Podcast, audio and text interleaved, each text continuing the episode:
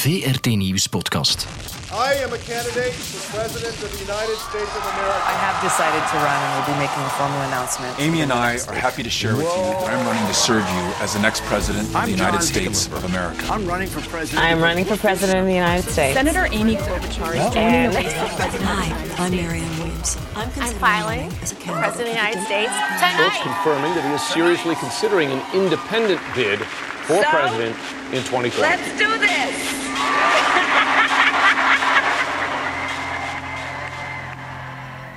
Het circus is in de stad. De eerste voorverkiezing op de lange weg naar het Witte Huis vindt plaats op 3 februari 2020 in Iowa, een landbouwstaatje in de Midwest. Op 11 februari 2020 strijken de kandidaten neer in New Hampshire. En op 3 maart 2020 is het al reeds Super Tuesday. Negen staten tegelijk kiezen dan hun favoriete kandidaat om het op te nemen tegen Donald Trump, onder meer ook megastaat Californië. Dit is het principe. De kandidaat die het eerst 2026 afgevaardigden achter zich krijgt, haalt de nominatie voor de Democraten binnen. Die nominatie wordt dan bezegeld op 16 juli in Milwaukee, Wisconsin, op de grote democratische conventie in het Fiserv Forum, basketbalarena en de thuis van de Milwaukee Bucks. I want to welcome to Milwaukee the 2020 Democratic National Convention. Maar de weg is nog lang.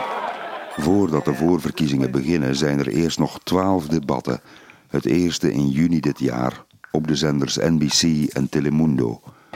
Fox hebben ze uitgesloten omdat de democraten vinden dat de zender te veel de spreekbuis is van Donald Trump. Slim is dat niet van de democraten, want debatteren op Fox geeft je net de uitgelezen kans om Trump-stemmers te verleiden, in plaats van op ze neer te kijken. Wie doet er mee voor de nominatie?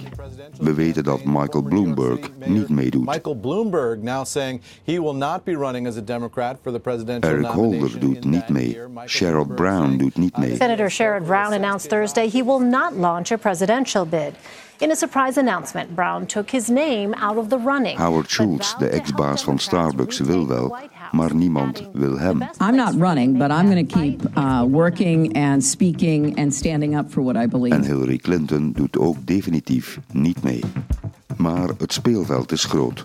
Het zal voor de Democraten belangrijk zijn dat ze hun eenheid bewaren en elkaar niet gaan verscheuren. Sinds 2016 is de partij vrij ver naar links opgeschoven. Het centrumdenken heeft min of meer afgedaan sinds de komst van Trump. Op het midden van de weg vind je alleen maar gele lijnen en gordeldieren, liet kandidaat Beto O'Rourke zich ontvallen. De tijd van het tamme midden lijkt voorbij. Nu heb je bij de Democraten de splitsing tussen het progressieve kamp tegenover het pragmatische kamp. Eigenlijk willen ze allemaal hetzelfde. Alleen is de ene kandidaat radicaler dan de andere. De ene wil een betaalbaarder ziekteverzekering, de andere wil de zorgverzekering min of meer nationaliseren. Allemaal willen ze beperkingen op de wapenwet, betaalbaarder hoger onderwijs, een minder grote kloof tussen arm en rijk. Niemand wil nog openlijk geld ontvangen van rijke donoren. De wens en het brandende verlangen om Donald Trump te verslaan kan links en centrumlinks bij de Democraten misschien dichter bij elkaar brengen. Zoals de Republikeinse Partij een metamorfose onderging en omgeturnd werd tot de Trump-partij, zo ook ondergingen de Democraten een gedaanteverwisseling. Verreweg lijken de Republikeinen die vroeger de kampioenen waren van de vrijhandel, de vermindering van het overheidstekort, de internationalisten van de wereld, niet meer. De Democraten zijn ook dooreengeschud, niet door één sterke nieuwe leider, maar door het collectief van de achterban. Een soort georganiseerd verzet dat wakker werd gemaakt door president Donald Trump. Het Clinton-recept werkte aan geen kanten in 2016. De blanke arbeidersvleugel werd compleet verwaarloosd. Een kapitale vergissing. For years, the Democratic Party was associated with organized labor. That's who they were. That's what the party was about. And then in the 80s and 90s, they said, no, that's we don't we don't really want to be the party of those people anymore. We want to be like the party of these uh, enlightened kids who went to fancy universities. Niet toevallig wordt de partijconventie in 2020 gehouden in een industriestaat die Clinton in 2016 grandioos verloor in Wisconsin, in de stad Milwaukee aan het Michiganmeer. Our other big story tonight at 10 an historic day for Milwaukee. For the first time, our city has landed a major political convention and the major economic boost that's expected to come with it. De Republikeinen zijn geïntimideerd door de achterban van Trump. Degenen die in eigen rangen tegen Trump ingaan, zien hun carrière verwoest. Wie hem omarmt, wordt beloond. Daarom is het erg onwaarschijnlijk dat Trump enige tegenstand zal ondervinden in het voorverkiezingsproces bij de Republikeinen. Het gebeurt dan ook zelden dat een zittende president moet spartelen om de nominatie te krijgen voor een tweede termijn. Ja, Jimmy Carter in 1980 met Edward Kennedy. Gerald Ford met Ronald Reagan in 1976.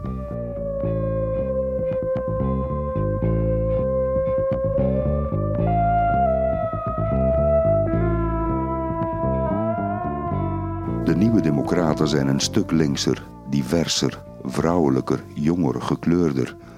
De gedachtenleider van die sterke stroming is de New Yorkse Alexandria Ocasio-Cortez. Ze noemen haar hier AOC. Zij duwt de partij radicaal naar de linkerzijde. President kan ze niet worden, nog niet. Ze is gewoon te jong. Je moet in Amerika minstens 35 jaar oud zijn om president te mogen worden. AOC is pas 29. Door AOC en Bernie Sanders is socialisme geen taboewoord meer in de VS. Dat is al een revolutie op zich. Bij de Democraten wordt het een overvol speelveld. Tussen 37 jaar en 77 jaar oud zijn ze. Een linkser speelveld dan ooit, een diverser speelveld dan ooit, een vrouwelijker speelveld dan ooit. Het is de slingerbeweging na 2016, toen centrumdenken niet werkte en de ontwrichting in de verkiezingen triomfeerde. De tijd van tam zijn is voorbij. Zoals historicus Thomas Frank in een interview met mij zei: De Democraten verloren 2016 en dat was integraal aan henzelf te danken. Ze lieten hun blanke arbeidersvleugel in de steek.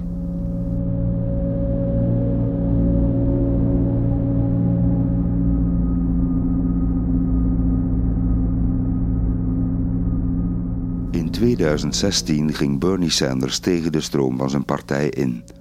Hij won net niet de nominatie toen. Dat was zeer verrassend voor velen. Sanders is vaak onderschat en geboycott door het establishment en door de mainstream media vaak weggezet als een onrealistische oude linkse hippie. Sanders is terug. Mocht hij president worden, dan is hij de oudste ooit die de eet aflegt, 79, in januari 2021. En wees maar zeker, Sanders doet niet mee om een punt te maken. Hij doet mee voor de hoofdprijs, het presidentschap. Veel commentatoren zeggen, Sanders kan nooit winnen. Maar de peilingen vertellen een ander verhaal. Thank you all for being part of a political revolution which is going to transform America. Sanders is een zelfverklaarde democratische socialist. Zijn aanhang is groot. Er is een heel Bernie-leger aan supporters en vrijwilligers. Zijn leeftijd zien ze niet als een probleem. We need him a lot and it doesn't really matter how old he is and he's a very healthy man and I'm sure that he will be able to lead this country in the right way. Op posters op zijn bijeenkomst zie ik Peace, Love en Bernie Sanders. Zijn aantrekkingskracht blijft groot. In 1987 nam Bernie zelfs een plaatje op met zijn ideeën. As I went walking that ribbon of highway, I saw above me that endless skyway. I saw below me that golden valley. This land was made for you and me. This land is your land. This land is my land. From California to New York Island. Hij is nu iets minder grumpy dan in 2016, persoonlijker. Hij legt meer de nadruk op zijn verleden als burgerrechtenactivist en connecteert daardoor beter met zwarte Amerikanen en Latino's. Hij vertelt ook over waar hij vandaan komt, wie hij is, de zoon van een arme Jood uit Brooklyn. Living in a family that struggled economically, powerfully influenced my life and my values. I know where I came from. Een familie die vluchtte voor de Holocaust in Polen. What does it mean to live a moral life? Bernie is boos op de wereld en hoe hij draait. When we talk about morality and when we talk about justice, we have to understand that there is no justice when so few have so much and so many have so little. En die boodschap slaat aan bij veel Amerikanen die denken dat de kloof tussen wie heeft en niet heeft te groot is geworden. Sanders wil de peperdure universiteiten gratis maken door een tax op financiële transacties. De sociale zekerheid wil hij uitbreiden door inkomens boven de 250.000 dollar zwaarder te belasten. Hij wil veel minder uitgaven voor defensie. Nu besteedt Amerika daar per jaar 700 miljard dollar aan. Sanders wil een groot klimaatplan, een menselijker immigratiebeleid, een betaalbare ziekteverzekering voor alle Amerikanen gesponsord door de overheid. Een erfbelasting van 77% op vermogens boven het miljard. Sanders is een krachtige combinatie van people power en cash. Volksmacht en binnenstromende campagnedonaties van kleine gulle gevers.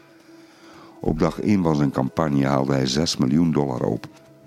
Feel the burn.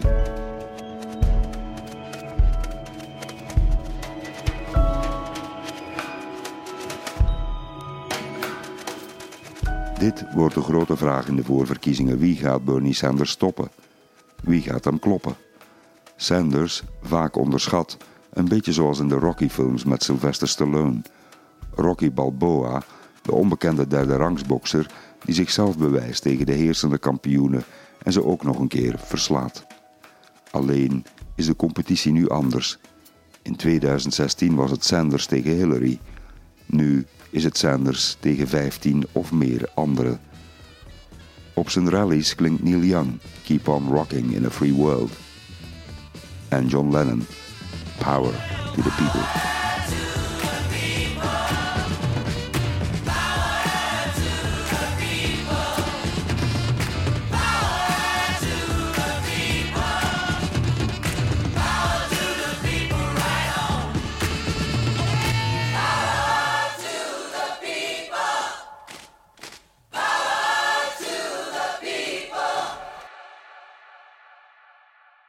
Doet hij het of doet hij het niet? Dat blijft nog altijd de vraag voor de ex-vicepresident onder Obama.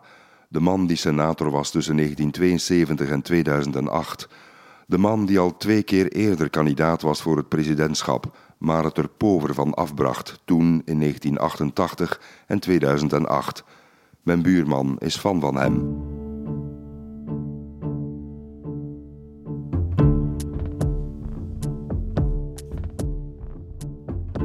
Maar nog voor zijn mogelijke kandidatuur leek het al fout te lopen. Een democratische politica uit Nevada, Lucy Flores, stelde dat Joe Biden bij een campagnebijeenkomst aan haar rook en een kus gaf op haar achterhoofd. De vrouw zei dat ze zich daardoor vies, ongemakkelijk en in de war voelde. De twee kenden elkaar verder niet. Flores noemde het geen seksueel wangedrag, maar wel ongepast. Drie andere vrouwen melden zich daarna met vergelijkbare ervaringen. Biden deed het ongegeneerd, voor de camera. Ongemakkelijke toestanden door de manier waarop hij vrouwen omhelsde of kuste. Biden erkende in een filmpje dat hij een tactiel persoon is, maar denkt niet dat hij een grens heeft overschreden. I've always thought about connecting with people. As I said, shaking hands, uh, hands on the shoulder, a hug. Hij knuffelt graag. Ik verbind graag mensen. Maar, zegt hij nu, sociale normen veranderen. Dat begrijp ik. Ik luister naar wat deze vrouwen te zeggen hebben. And the boundaries of protecting personal space have been reset. And I get it. I hear what they're saying. I understand it. And I'll be much more mindful. That's my responsibility. Biden wordt in november 77 jaar oud. Hij is de tussenweg voor de Democraten, bevindt zich in het centrum. Dat kan republikeins gezinde kiezers aantrekken, maar ook veel progressieve kiezers afstoten. Dit tijdperk lijkt niet langer het tijdperk van de centrumkiezers. Of misschien net wel, voor de mensen die de polarisatie een beetje beu zijn. Hij connecteert goed met de blanke arbeiders. Hij wordt ervaren als een sympathieke guy next door. We don't show enough respect to that group that, in fact, has been left behind. And, and these people who had uh, good, decent jobs. Ik ontmoette hem een keer na de begrafenis van George Bush de oudere. Hij stopte naast mij in een golfkarretje. Zeer toegankelijke man. In 1988 moest hij uit de race stappen na een hersenbloeding, waarvan hij volledig herstelde. Biden kende veel drama's in zijn leven. Zijn eerste vrouw verongelukte bij een auto-ongeval. Zijn dochtertje van één stierf toen ook. Een van zijn twee overblijvende zonen, Bo, stierf een jaar of vier geleden na een hersentumor. Biden wilde in 2016 meedoen bij de Democraten, maar werd aangemaand om Hillary niet voor de voeten te lopen. Daar heeft hij nu spijt van. Hij had kunnen winnen toen. Nu liggen de kaarten totaal anders. Misschien dat hij daarom tegen de gewoonte in al speculeerde over zijn mogelijke vice, Stacey Abrams, een krachtige, 30 jaar jongere zwarte vrouw die zijn oude witte imago moet compenseren. Alsof zij hem geloofwaardiger zou kunnen maken in deze andere tijd. En het wekt de indruk dat Biden doet alsof de nominatie al in de pocket zit, als hij al meedoet. Tegelijk is het een teken van zwakte om al vooruit te lopen op de feiten. Soms flatert Biden door plagiaat te plegen of door heel vreemde uitspraken. Plots bekent hij publiek zijn sympathie voor een republikein Look, uh, I, I, I get in trouble. I read in the New York Times today that I uh, that one of my problems is if I ever run for president, uh, I like Republicans. Okay, well, bless me, Father, if I have sinned. of noemt hij de huidige vicepresident Pence een goede kerel. Potential 2020 candidate in hot water for complimenting our current Vice President Mike The Pence. fact of the matter is, it was followed on by a guy who's a decent guy, our vice president. En zegt hij: Ik vind hefboomfondsmanagers op Wall Street niet per definitie slecht. Over Trump zei hij: Ik wil niet met hem debatteren, ik wil hem een pak ransel geven en op hem slaan.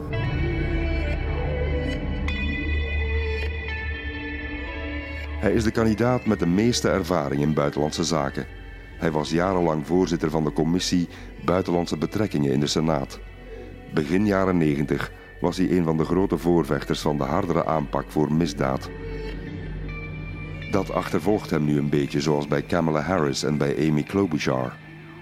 De vrees is dat Biden, ondanks de uitstekende vroege peilingen, iedereen kent hem en al lang, wel eens de Jeb Bush van de Democraten zou kunnen worden. De grote belofte Biden die het nooit zal waarmaken. Truth, justice, decency, equality, freedom, democracy. These aren't just words, they're the values we as Americans cherish, and they're all on the line now. The future of our country depends on you and millions of others lifting our voices to fight for our American values. That's why I'm running for President of the United States. Kamala Harris uit Californië staat model voor het nieuwe verkleurende Amerika. Harris is 54. Ze is een kind van gemengde afkomst. Haar moeder was een Indiase Tamil en professor.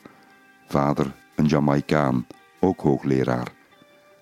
Kamala Harris is sinds 2017 senator voor de Golden State. Daarvoor was ze justitieminister in Californië en daarvoor openbaar aanklager. Ze lanceerde ooit een omstreden voorstel om ouders te straffen met een boete of celstraf als hun kinderen bleven spijbelen. Progressief Amerika neemt haar dat niet in dank af. Ze lokt veel publiek naar haar rallies. Haar startbijeenkomst in Oakland was een groot succes. So, let's do this. and let's do it together.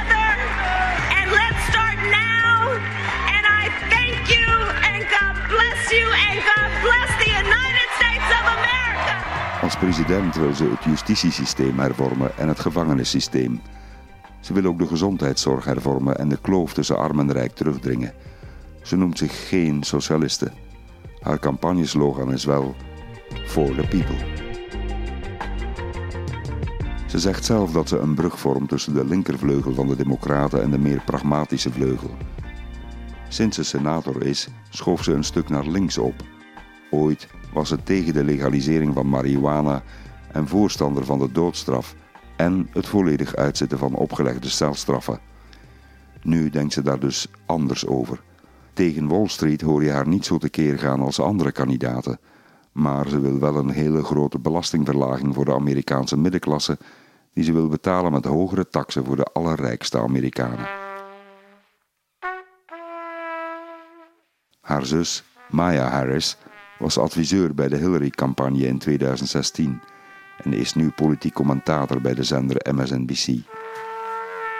Harris straalt veel zelfvertrouwen en charisma uit. Ze kan een menigte in vervoering brengen en ze verleidt grote gelddonoren. Dat is haar wereld. Ze werd groot in een wereld vol elite en geld. Ze wil in haar campagne geen geld aannemen van grote bedrijven en grote donoren, zegt ze, hoewel ze in haar campagne voor de Senaat wel gretig geld aannam van Google en 20th Century Fox. De verkiezingskalender kan in haar voordeel spelen. Normaal komt de voorverkiezing in Californië helemaal op het eind, als het er bijna niet meer toe doet. Dit keer mogen Californiërs al naar de stembus op 3 maart 2020, Super Tuesday, de dag waarop negen staten tegelijk hun keuze maken. Harris is van Californië en daar zijn heel veel stemmen en afgevaardigden te rapen. Voor haar een thuisvoordeel.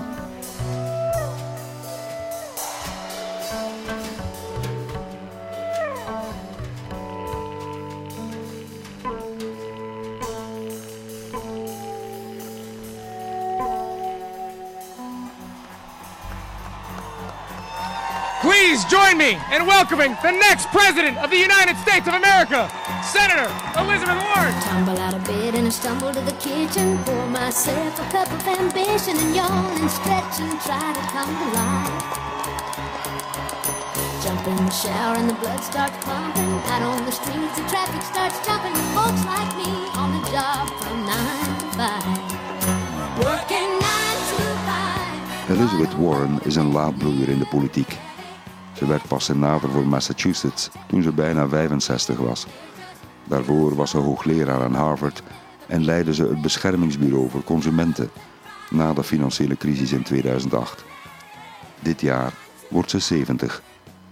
Ze is goed bevriend met Bernie Sanders en heeft eigenlijk dezelfde ideeën. Ze noemt zich alleen geen socialiste. Ze noemt zich een kapitaliste die het systeem weer wil doen werken voor de kleine man. Warren gelooft in de markteconomie, maar wil rechtvaardige regels om de uitwassen van het systeem te vermijden. Zo wil ze een rijke tax van 2% invoeren op vermogens hoger dan 50 miljoen. 3% voor vermogens hoger dan een miljard. De rijkentax moet een systeem financieren van gratis kinderopvang. People are starting to ask the fundamental question who does government work for?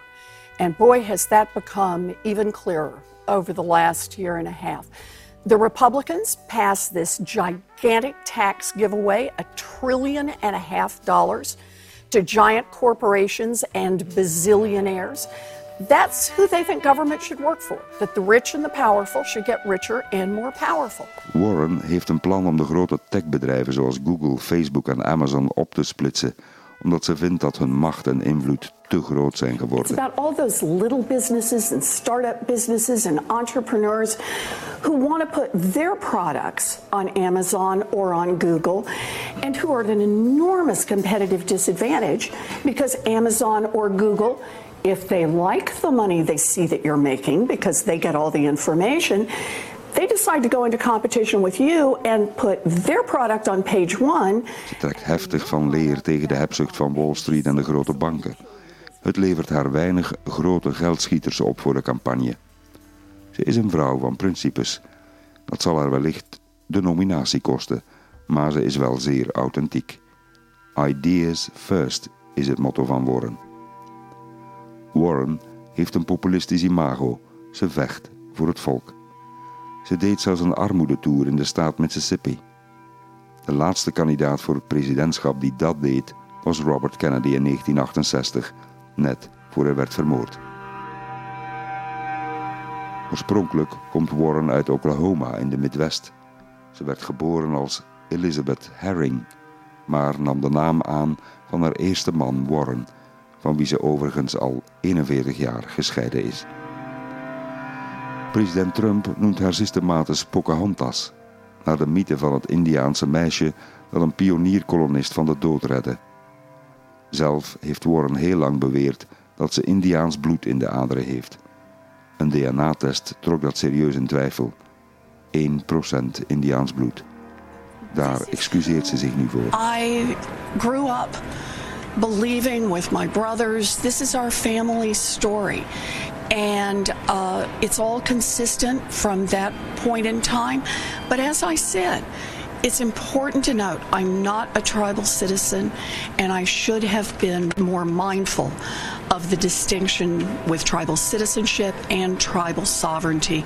And that is why I apologize to Chief Baker and why I've made a very public apology about this. De vraag in de campagne wordt vooral hoe ze Sanders fans in haar richting kan krijgen.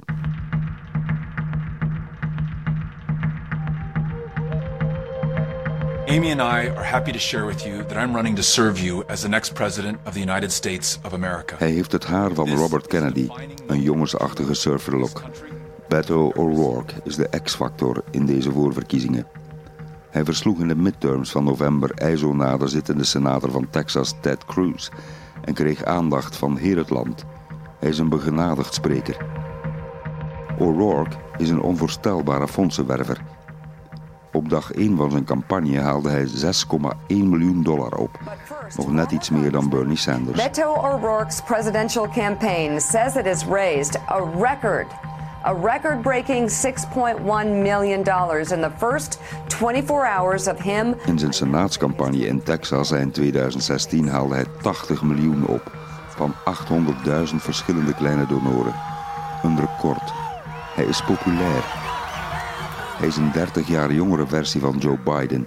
Inhoudelijk nogal links, een beetje vaag, maar een centrumfiguur in zijn houding en gedrag.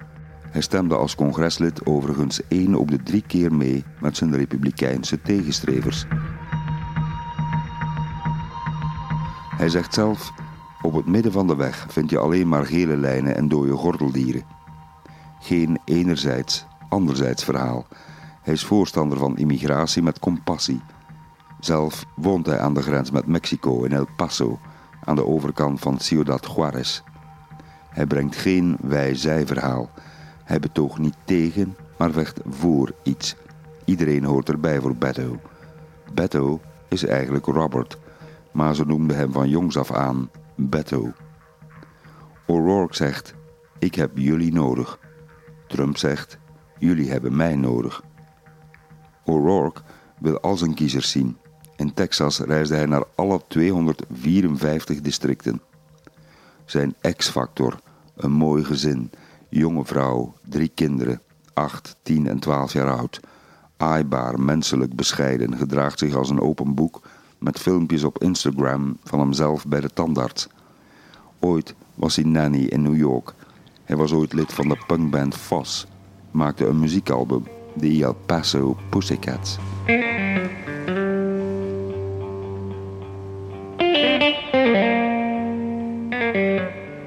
Beto O'Rourke is de man van de optimistische aanpak in de politiek. Geen haat en nijd. Als Trump naar zijn stad kwam, ging hij niet protesteren, maar hield hij zijn eigen rally. We, together, we are making a stand for the truth against lies and hate and ignorance and intolerance. We are going to show the country who we are. Naar verluid heeft Oprah Winfrey hem in februari nog gesmeekt om kandidaat-president te zijn. Obama gaf hem goede raad. Mocht hij president worden, dan wil hij een regering die de kleuren heeft van het land. O'Rourke is zo'n beetje de Trudeau van Amerika. Hij wil ook samenwerken met de Republikeinen en luisteren naar Trump-stemmers. Hij zegt zelf dat hij van Bernie Sanders een belangrijke les leerde. It is not enough to remind America how bad Donald Trump is. it's just not going to do it. You've got to give people something to be for. It cannot be who we are against. Beto ging viraal met een video op Nowdis waarin hij zwarte American footballspelers verdedigde tegen de aanvallen van Trump. Um, Rosa Parks getting from the back of the bus to the front of the bus. Peaceful, nonviolent protests, including taking a knee at a football game to point out that black men, unarmed, black teenagers, unarmed, and black children, unarmed, are being killed at a frightening level right now, including by members of law enforcement, without accountability and without justice.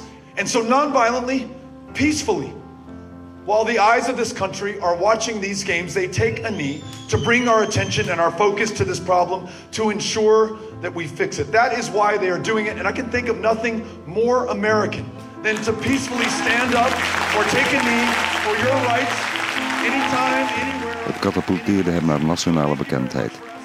Betaalbare gezondheidszorg en een beter klimaat zijn topprioriteiten voor O'Rourke.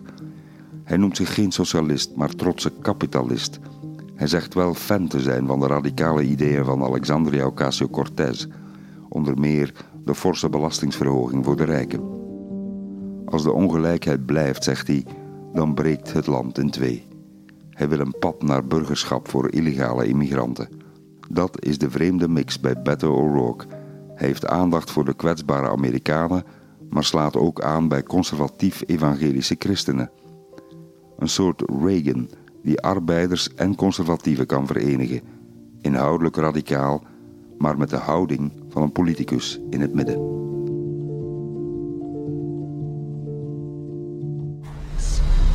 I'm Cory Booker, and I'm running for President of the United States of America.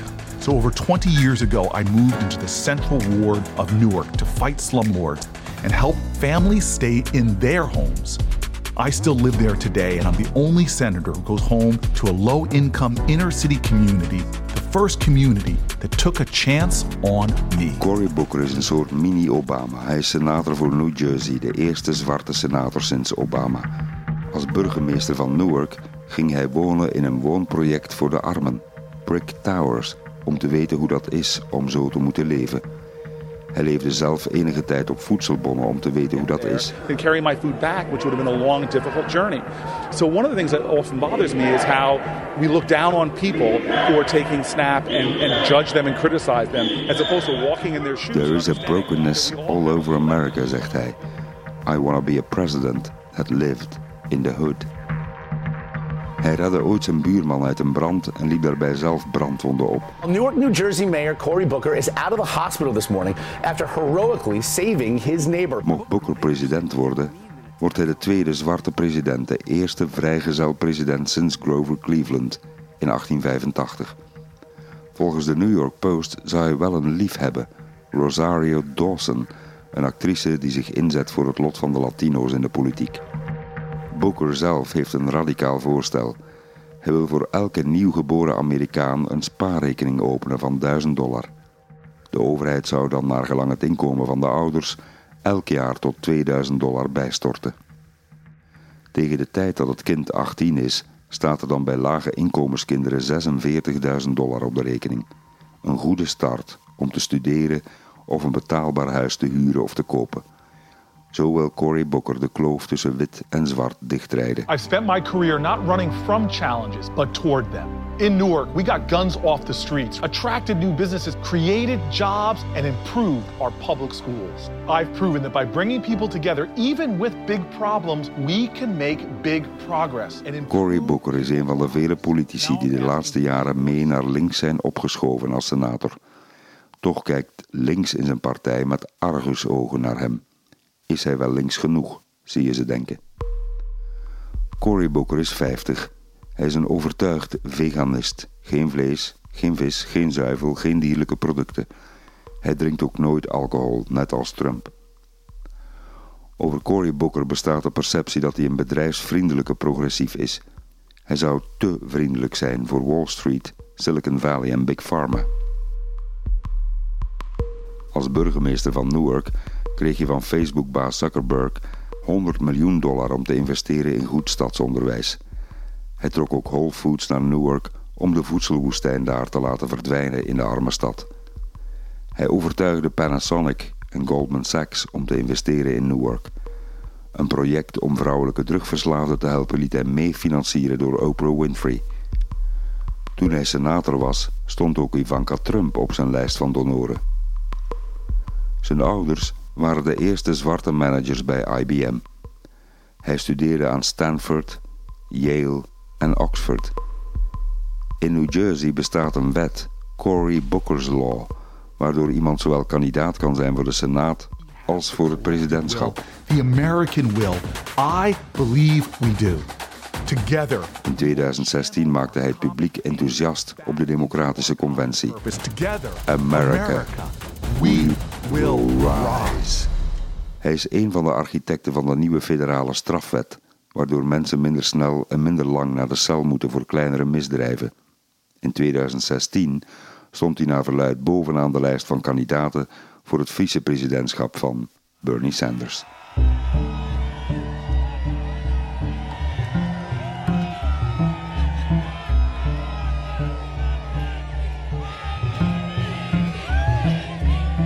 Senator Amy Klobuchar is joining the race for President of the United States. Amy Klobuchar maakte haar kandidatuur bekend tijdens een sneeuwstorm in haar thuisstaat Minnesota. To announce my candidacy for President of the United States. Klobuchar is bijna 59 en al 13 jaar senator. Ooit was ze openbaar aanklager in Minnesota, de noordelijke Midwest. Ze werd bekend tijdens de hoorzittingen rond rechter Kavanaugh in september 2018. So, you're saying there's never been a case where you drank so much that you didn't remember what happened the night before or part of what happened? That's you're asking. Haar rustige manier om te vragen naar zijn drankgebruik. Judge, just, Kavanaugh beledigde haar. That's not happened. Is that your answer? Yeah, and I'm curious if you have. Hij bood even later zijn excuses aan. And respected what she did the last hearing, and she asked me a question at the end that I responded by asking her a question, and I didn't. Sorry, I did that. This is. Klobuchar stelde zich kwetsbaar op en sprak over het jarenlange drankmisbruik van haar vader, een sportjournalist. You have a parent that's alcoholic. Uh, you're pretty careful about drinking, and um, and the second thing is, I was truly just trying to get to the bottom. Klobuchar heeft overgrootouders uit Zwitserland en Slovenië, wat haar enigszins verwant doet voelen met de huidige First Lady Melania Trump. Melania Knaus. Klobuchar kan de ideale kandidaat zijn voor de Democraten. Ze krijgt geregeld wetten goedgekeurd. She gets things done. En ze werkt over de partijgrenzen heen. Ze is erg pragmatisch, kiest voor haalbare veranderingen in plaats van ronkende revoluties. Niet te links, niet te rechts. Met kleine stapjes vooruit, zegt ze. Liever compromissen die ergens toe leiden dan bombastische grote gevechten waar je niets mee bereikt. Ze is een stemmentrekster. Ze won haar senaatzetel in een staat die bijna naar Trump ging. Ze schreef een boek over haar leven, The Senator Next Door. A memoir from the heartland. Ooit zat Klobuchar samen met ex-FBI-baas James Comey op school. Hij noemde haar vervelend slim, maar ook een soort eenhoorn in de Amerikaanse politiek. Niet blauw of rood, maar paars. Klobuchar's man is professor in de rechten in Baltimore en Georgetown. Ze heeft een dochter van 24, Abigail. Die lag in haar kinderjaren vaak in het ziekenhuis. Ze kon niet slikken. Nu is die stand-up comedian en werkt ze als staflid voor een New Yorks gemeenteraadslid.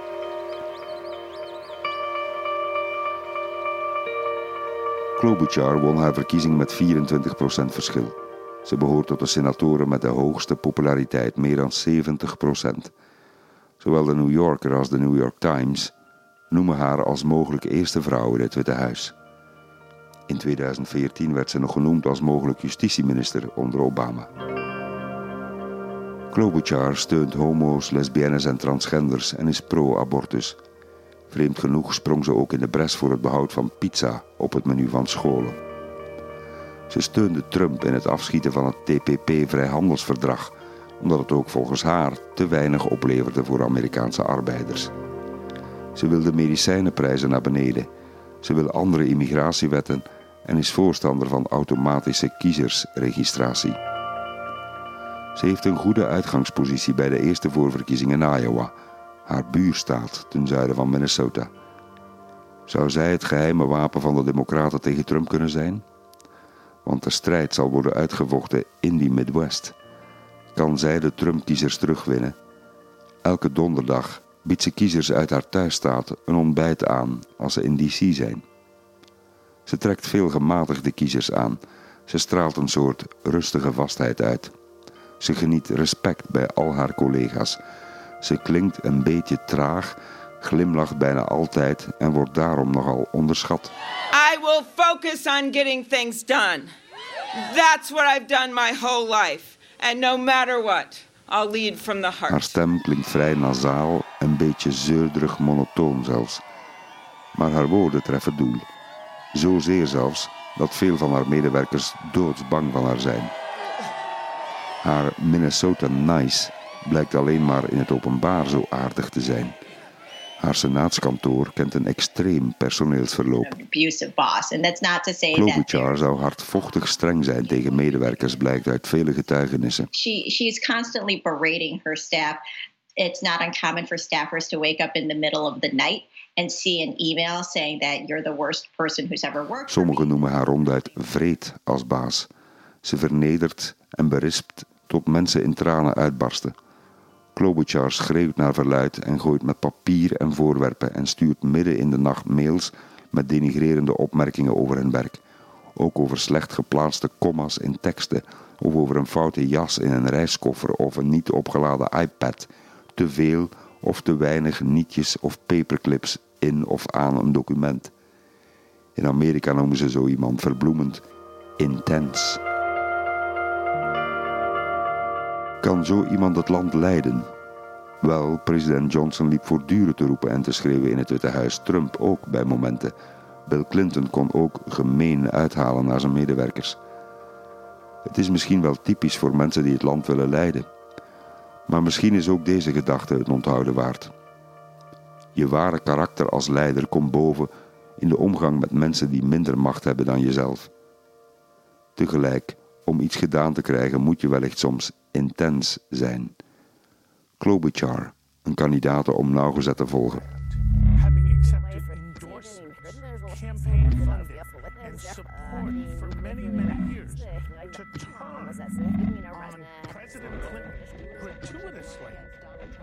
I'm just curious. Uh, do you have anything you would like to announce? Yes, And what would that be, madam? I'm filing an exploratory committee for President of the United States tonight. Tonight. Kirsten Gillibrand is senator voor New York State. Zij volgde Hillary Clinton op als senator. Gillibrand stond aanvankelijk bekend als een uiterst conservatieve democrate. Ze stond erg kritisch tegenover immigratie. Onlangs excuseerde ze zich daarover op tv bij Rachel Maddow. Looking back, I just really regretted that I didn't look beyond my district. Ze was bedrijfsadvocate voor ze politica werd. Ze draagt een verleden mee van juridisch werk in dienst van de tabaksindustrie. Ze gebruikte ook de televisie om haar kandidatuur bekend te maken bij de Late Show met Stephen Colbert. I'll fight for other people's kids as hard as I would for my own. Running because as a mom of young kids, I really think we need uh, a president that will fight for other people's children, their communities, their families in the same way you would fight for your own. Ze evolueerde van vrij conservatief naar een progressieve stokenbrand bij de Democraten. Ze zit vol contradicties. Jarenlang nam ze de steun en het geld aan van de Clintons. Maar toen Hillary verloor in 2016, begon ze plots kritiek te uiten. Ze zei dat Bill Clinton had moeten aftreden na de Lewinsky-affaire. Senator Gillibrand, having accepted endorsements, campaign funding, and support for many, many years, to turn on President Clinton gratuitously. Boy, Gillibrand wordt de MeToo-senator genoemd. Ze was ook degene die haar democratische collega in de Senaat Al Franken aanmaande tot ontslag na beschuldigingen over seksuele intimidatie in volle MeToo-gekte. enough is enough. I mean, this is a conversation we've been having for a very long time, and it's a conversation that this country needs to have. Gillibrand bekampte ook seksueel grensoverschrijdend gedrag in het Amerikaanse leger. Maar ook hier is ze een vrouw van contradicties. New York Senator Kirsten Gillibrand is facing new criticism after an aide De resigned. over 52-jarige Gillibrand bleek onlangs zelf klachten over seksuele intimidatie over haar chauffeur niet al te ernstig te hebben genomen. Ondanks herhaalde klachten van haar personeel. Gillibrand has been one of the most outspoken advocates in Congress of the Me Too movement. She's also made fighting sexual assault a key part of her likely presidential campaign after launching an exploratory committee. But the aide says she quit because of how poorly the investigation into her claim was handled. Daardoor krijgt Gillibrand een zweem over zich van hypocriete opportunisten. Wellicht is ze te tegenstrijdig om potten te breken in de campagne. Velen doet ze te veel denken aan Hillary Clinton. I have decided to run and will be making a formal announcement within the next week. Tulsi Gabbard is de jongste vrouw bij alle kandidaten. Ze is net geen 38 en congreslid voor Hawaii. Ze werd geboren op het eiland Samoa. Aloha! Thank you all so much for being here. Als ze president zou worden, is ze de eerste die niet op het Amerikaanse vasteland is geboren. It's a beautiful day in Hawaii. Paradise that we are so fortunate to call home. Ze was ook de eerste hindoe in het Amerikaanse congres. Ze is officier bij de Nationale Garde en vocht een tijd in Irak. Als presidentskandidaat wil ze veel minder geld uitgeven aan het leger. We have spent trillions of your taxpayer dollars to pay for these wars, taking those dollars away from our communities and our people who need them right here at home. Ze was een groot supporter van Bernie Sanders in 2016. Tulsi Gabbard veroorzaakte heftige controverse toen ze een ontmoeting had met de Syrische dictator Assad. Gabbard, at some personal risk, the Hawaii Democrat recently made a secret seven-day trip to Syria and Lebanon, where she met Assad along with many civilians and clergy and soldiers caught up in the conflict. there. Gabbard zegt tegen oorlogen te zijn die uit zijn op regimeverandering. Nogal wat republikeinen zijn fan van haar. Vroeger was ze tegen het homohuwelijk en tegen abortus. Nu is ze voor. was raised in a very socially conservative uh, household uh, with views and beliefs and things that uh, I no longer hold today. Now you can look to my record over the last six years in Congress that reflect uh, what's in my heart and my commitment to fighting for equality, my commitment to fighting for LGBT rights. De race naar het Witte Huis noemt een gevecht voor de ziel van Amerika. Wellicht wordt ze eerder vicepresidentskandidaat dan presidentskandidaat.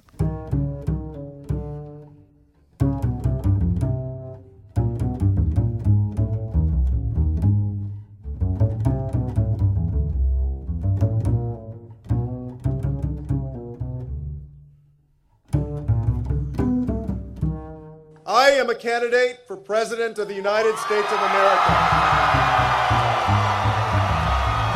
I'm running for president because it's time for new leadership, because it's time for new energy, and it's time for a new commitment to make sure that the opportunities that I've had are available to every American. Stelt u het zich voor, de Amerikaanse president Castro.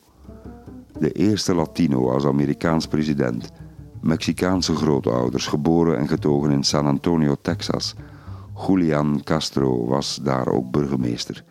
Hij is de tweelingbroer van congreslid Joaquín Castro, de architect van de succesvolle motie in het congres om de noodtoestand aan de grens van president Trump ongedaan te maken. Tonight, I have the honor of introducing you to our keynote speaker, my twin brother, San Antonio Mayor Julian Castro. As you can imagine, this is a very special moment for our family. Julian Castro was minister van Huisvesting in de tweede ambtstermijn van president Obama. Castro is 45 en gaf in 2012 een opgemerkte keynote speech op de Democratische Conventie in Charlotte, North Carolina. With each generation going further than the last, America prevailed, and with the opportunity we build today for a shared prosperity tomorrow, America will prevail. It begins with re-electing Barack Obama. It begins with you. It begins now. Que Dios los bendiga. May God bless you, and may God bless the United States of America. In 2016 werd Castro lang genoemd als de running mate voor Hillary Clinton. Het werd uiteindelijk Tim Kaine uit Virginia. Castro heeft moeite om aandacht en donoren te trekken in deze campagne. Hij lijkt meer uit op het vicepresidentschap dan op de hoofdprijs, al kan de schijn bedriegen. Hij onderscheidt zich niet echt van de andere kandidaten door zijn ideeën. I'm John Hickenlooper. I'm running for president because we're facing a crisis that threatens everything we stand for. As a skinny kid with Coke bottle glasses and a funny last name, I've stood up to my fair share of bullies. John Hickenlooper. De naam verwijst naar Nederlandse voorouders. Hij is de ex-burgemeester van Denver. Hij is de ex-gouverneur van de staat Colorado. Eigenlijk is Hickenlooper van opleiding geoloog. Na een ontslag in die functie bij een oliebedrijf wierp hij zich op de brouwerijwereld. Hij werd eigenaar van verschillende restaurants en bierbrouwerijen, ondernemer ook in vastgoed, self-made businessman. Nationaal kennen weinig mensen hem. In Colorado was hij een geliefd en gematigd gouverneur. Hij ziet zichzelf als de ideale consensuskandidaat, de middle-of-the-road politicus in een heftig gepolariseerd land. You know, I'm running for president because, you know, A, I love this country. Uh, but B, I see, us, I see the country in a crisis. I mean, a, a monumental crisis, a crisis of division. I don't think we've been this divided probably since the Civil War. Hickenlooper maakte ooit campagnefilmpjes waarin hij te zien was terwijl hij douchte met al zijn kleren aan. Daarmee wilde hij tonen hoezeer negatieve kiescampagnes van anderen hem vuil deden voelen. Hij noemt president Trump een crisis die alles bedreigt waar Amerika voor staat.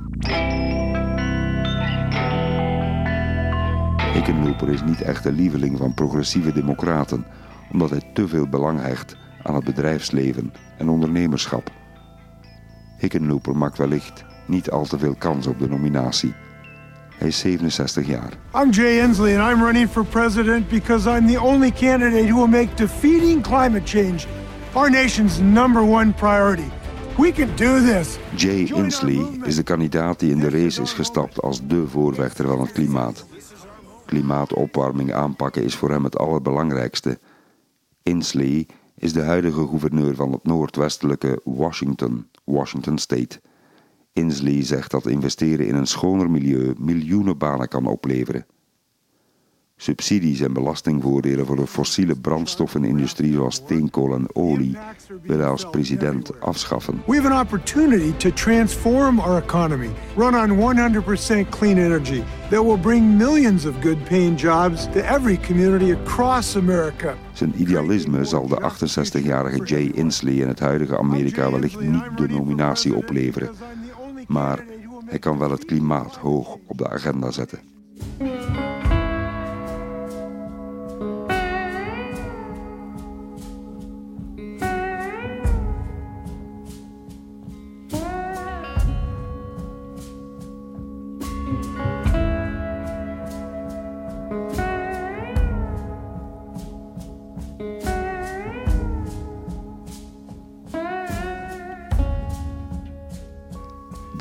De moeilijkste naam.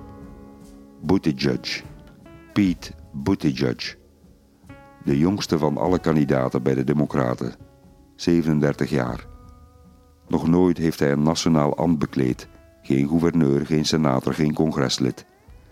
Wel is hij al burgemeester sinds hij 29 is. Al acht jaar de burgervader van South Bend, Indiana. Een stad van toch 100.000 inwoners. South Bend, ooit het hoofdkwartier van de legendarische autobouwer Studebaker. Studebakers die ooit dienden als Yellow Cabs, de gele taxis in New York in de jaren 50 van de vorige eeuw. Studebaker ging failliet in 1963. Dat is South Bend, Indiana. Buttigieg trok South Bend uit het economische moeras en halveerde de werkloosheid. Met zijn 37 is Buttigieg net oud genoeg om te mogen meedoen aan de race naar het Witte Huis. Mocht hij verkozen geraken, dan is hij de jongste president ooit. En zou ook de eerste homo-president zijn. The first openly gay candidate to seek the Democratic presidential nomination, joined the race this morning. Pete Buttigieg, the mayor of South Bend, Indiana. Hij vocht mee met de marine in Afghanistan. Hij is de enige echte millennial onder de kandidaten. We are the generation with the most at stake. There is more to us than avocado toast. Het presidentschap van Donald Trump noemt Buttigieg de pornstar presidency. Hij begrijpt niet dat zijn vorige baas als burgemeester, ex-gouverneur van Indiana en huidig vicepresident Mike Pence, een figuur als Trump zo hard ondersteunt. Buttigieg is helder over zijn kandidatuur. Ik ben de toekomst, zegt hij, want het verleden heeft ons niet al te veel goeds gebracht. We cannot look for greatness in the past. I think it also calls for somebody from a newer generation. You know, as a millennial, I'm just old enough or just young enough to qualify as an older millennial. Uh, I'm from the generation that for one thing, grew up experiencing school shootings as the norm. I was in high school when Columbine happened.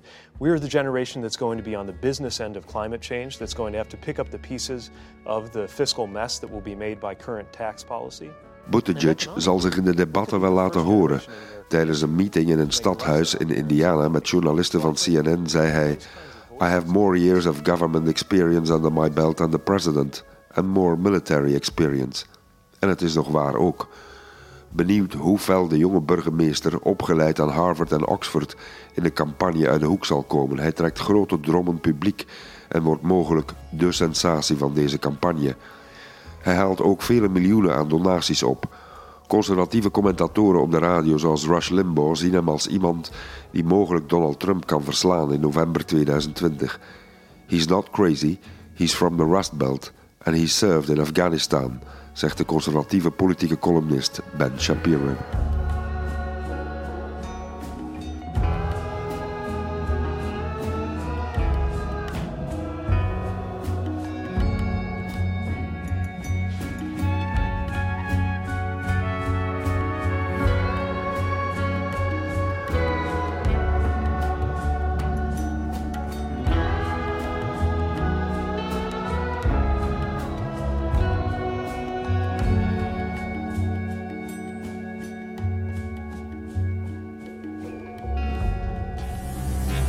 Democrats can't win by just attacking Trump. We really have to show the American people there's a better way. We have to think about the future. America's going to win by recognizing what's going on across our economy and in people's lives, and then focusing on what we can do collectively to make things better. John Delaney was de eerste van alle kandidaten die zich in de strijd wierp. Dat was al op 28 juli 2017. Hij was tot eind vorig jaar een jaar of zes congreslid voor de staat Delaware. Delaney is 55 en is trots op zijn eenvoudige afkomst als zoon van een elektricien. Daarom wil hij in de eerste plaats ook de rechten van Amerikaanse arbeiders verbeteren. Hij focust ook op beter onderwijs en infrastructuur. Hij reikt ook de hand naar Trump-stemmers van wie hij vindt dat ze zich terecht in de steek gelaten voelen door het beleid. Tegelijk vindt hij dat Donald Trump als president elk moreel kompas mist om het land te leiden. Het vermoeden is dat we niet al te veel van Delaney zullen horen, al heeft hij de eerste staat van de voorverkiezingen, Iowa, al verschillende keren helemaal platgelopen.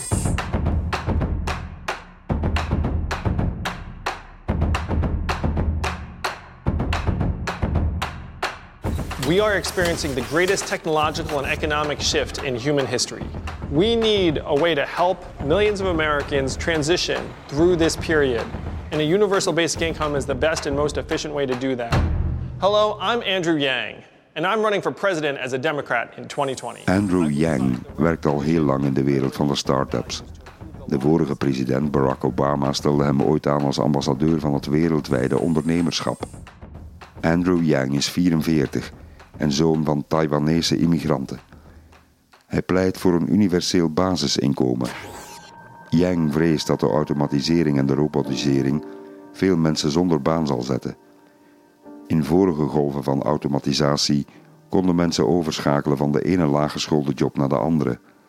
Een landarbeider kon bij wijze van spreken een baan vinden in een tractorfabriek. Een ontslagen fabrieksarbeider kon aan de slag bij de kassa van een supermarkt. Maar in deze tijd en de jaren die komen, zal een man of een vrouw aan de kassa ook niet meer nodig zijn.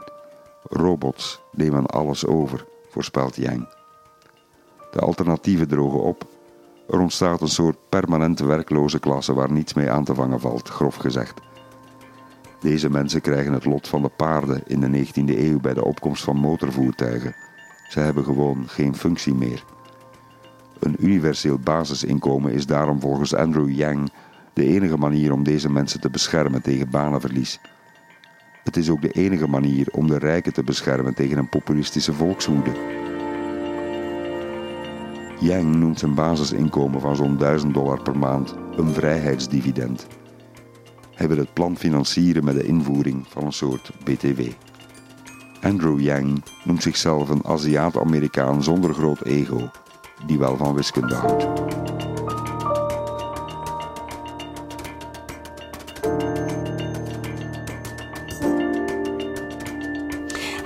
I'm Marianne Williamson.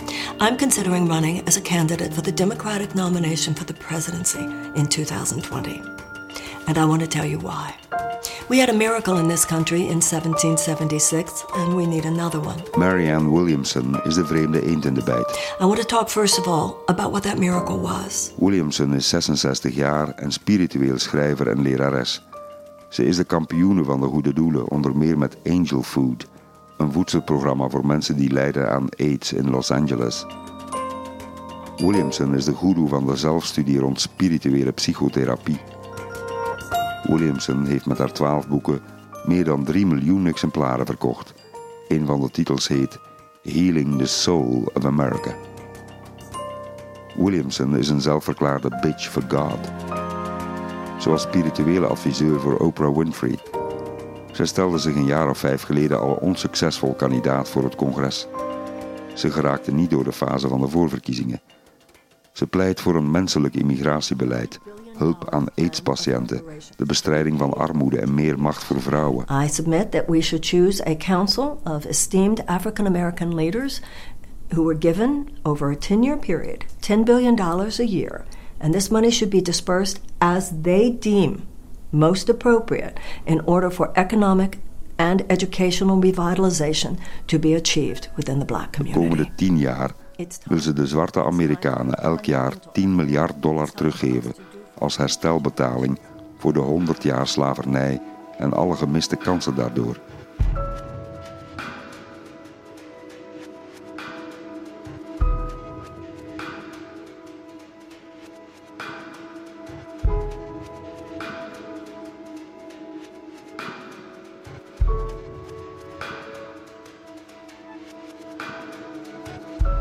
Nog een burgemeester die in de race naar het Witte Huis stapt. Wayne Messam wordt in juni 45 jaar en is sinds 2015 burgemeester van Miramar in Florida, een stad van 140.000 inwoners. De zoon van Jamaicaanse immigranten. Zijn vader kwam naar Amerika en hakte suikerriet. My mother and father came here to the United States from Jamaica. My father was a contract sugarcane cutter, very hard, intense labor with machetes to cut the sugar canes in the hot sun in South Florida. You know, I can see him looking around in these fields, envisioning that his children would be successful one day and they wouldn't have to suffer the way that he suffered. I'm passionate about the American dream because it's not a fictitious thing for me, it's real for me. Wayne Messam was op de middelbare school een ster in het American football. Heeft een bouwbedrijf met 22 werknemers. Hij wil de Amerikaanse droom weer tot leven wekken door meer kansen te bieden aan meer mensen. Hij noemt zijn stad Miramar een veilig oord voor immigranten. Hij wil ook strengere wapenwetten in zijn stad en in de rest van het land. Miramar ligt niet zo ver van Parkland, waar het bloedbad op school plaatsvond op 14 februari 2018. Messam noemt zijn gebrek aan ervaring in Washington een pluspunt. Washington is gebroken, zegt hij. Als burgemeester vindt hij zichzelf goed geplaatst om de dagdagelijkse problemen van de mensen op te lossen.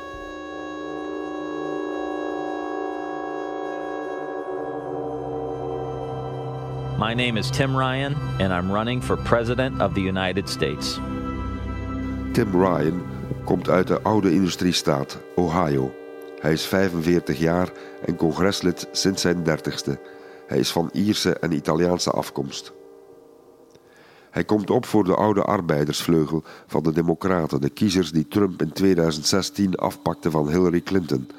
Ryan werd al langer gezien als mogelijk presidentskandidaat. Hij schreef ook een boek over mindfulness in het privéleven en het openbare leven. Minder stress maakt gezondere burgers en een gezonder land, zegt hij. Mindfulness, yoga en meditatie leiden ook tot meer creativiteit, schrijft hij. Ryan zweert dat hij het lot van de vergeten mannen en vrouwen van Amerika wil verbeteren. De vraag is alleen of iemand op Ryan zit te wachten in het ruime kandidatenveld. Hij haalt maar weinig geld op van donoren. Als hij niet scoort in Iowa of New Hampshire, zal het snel voorbij zijn voor hem. Hij kwam enkele jaren geleden in het nieuws toen hij probeerde om Nancy Pelosi te onttronen als democratisch leider in het Huis van Afgevaardigden. And none of that is going to change until we get a leader who is willing to go big on the issues we take on, be bold in the solutions we offer, and do good in the way that we govern. I'm ready to solve these problems. I'm running for president of the United States. Nummer 19 op de lange lijst. Zoals wel meer democraten kondigde hij zijn kandidatuur aan bij de show van Stephen Colbert. It's official. Now it's official. Boy, did it feel good to say that. Hij is 38 jaar, Eric Swalwell. Meester in de communicatie via sociale media. Hij maakt veel gebruik van Facebook Live, ook tijdens stemmingen in het Huis van Afgevaardigden, waar hij sinds 2013 lid is voor het 15e district in Californië. I'm on the road in Iowa right now. My wife and our two kids and our two are at home. I miss them like crazy. Uh, too much time on FaceTime with them, not enough time looking them, you know, in the eyes. He thrives as an underdog. In het parlement wordt hij zelfs de Snapchat King of Congress genoemd. Swalwell wil meer geld voor onderwijs en voor duurzame energie. Hij is ook een sterk voorvechter van het recht op abortus en het homohuwelijk.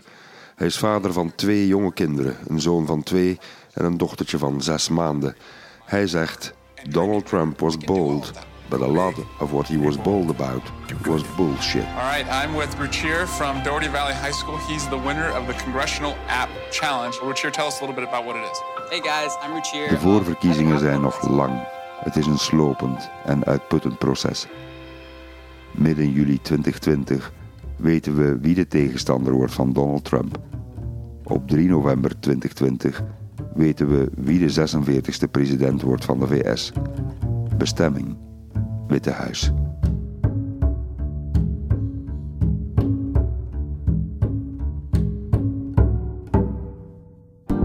Dit was een podcast van vrtnieuws.be. Meer op de podcastpagina van vrtnieuws.be of via de podcast-app op je smartphone.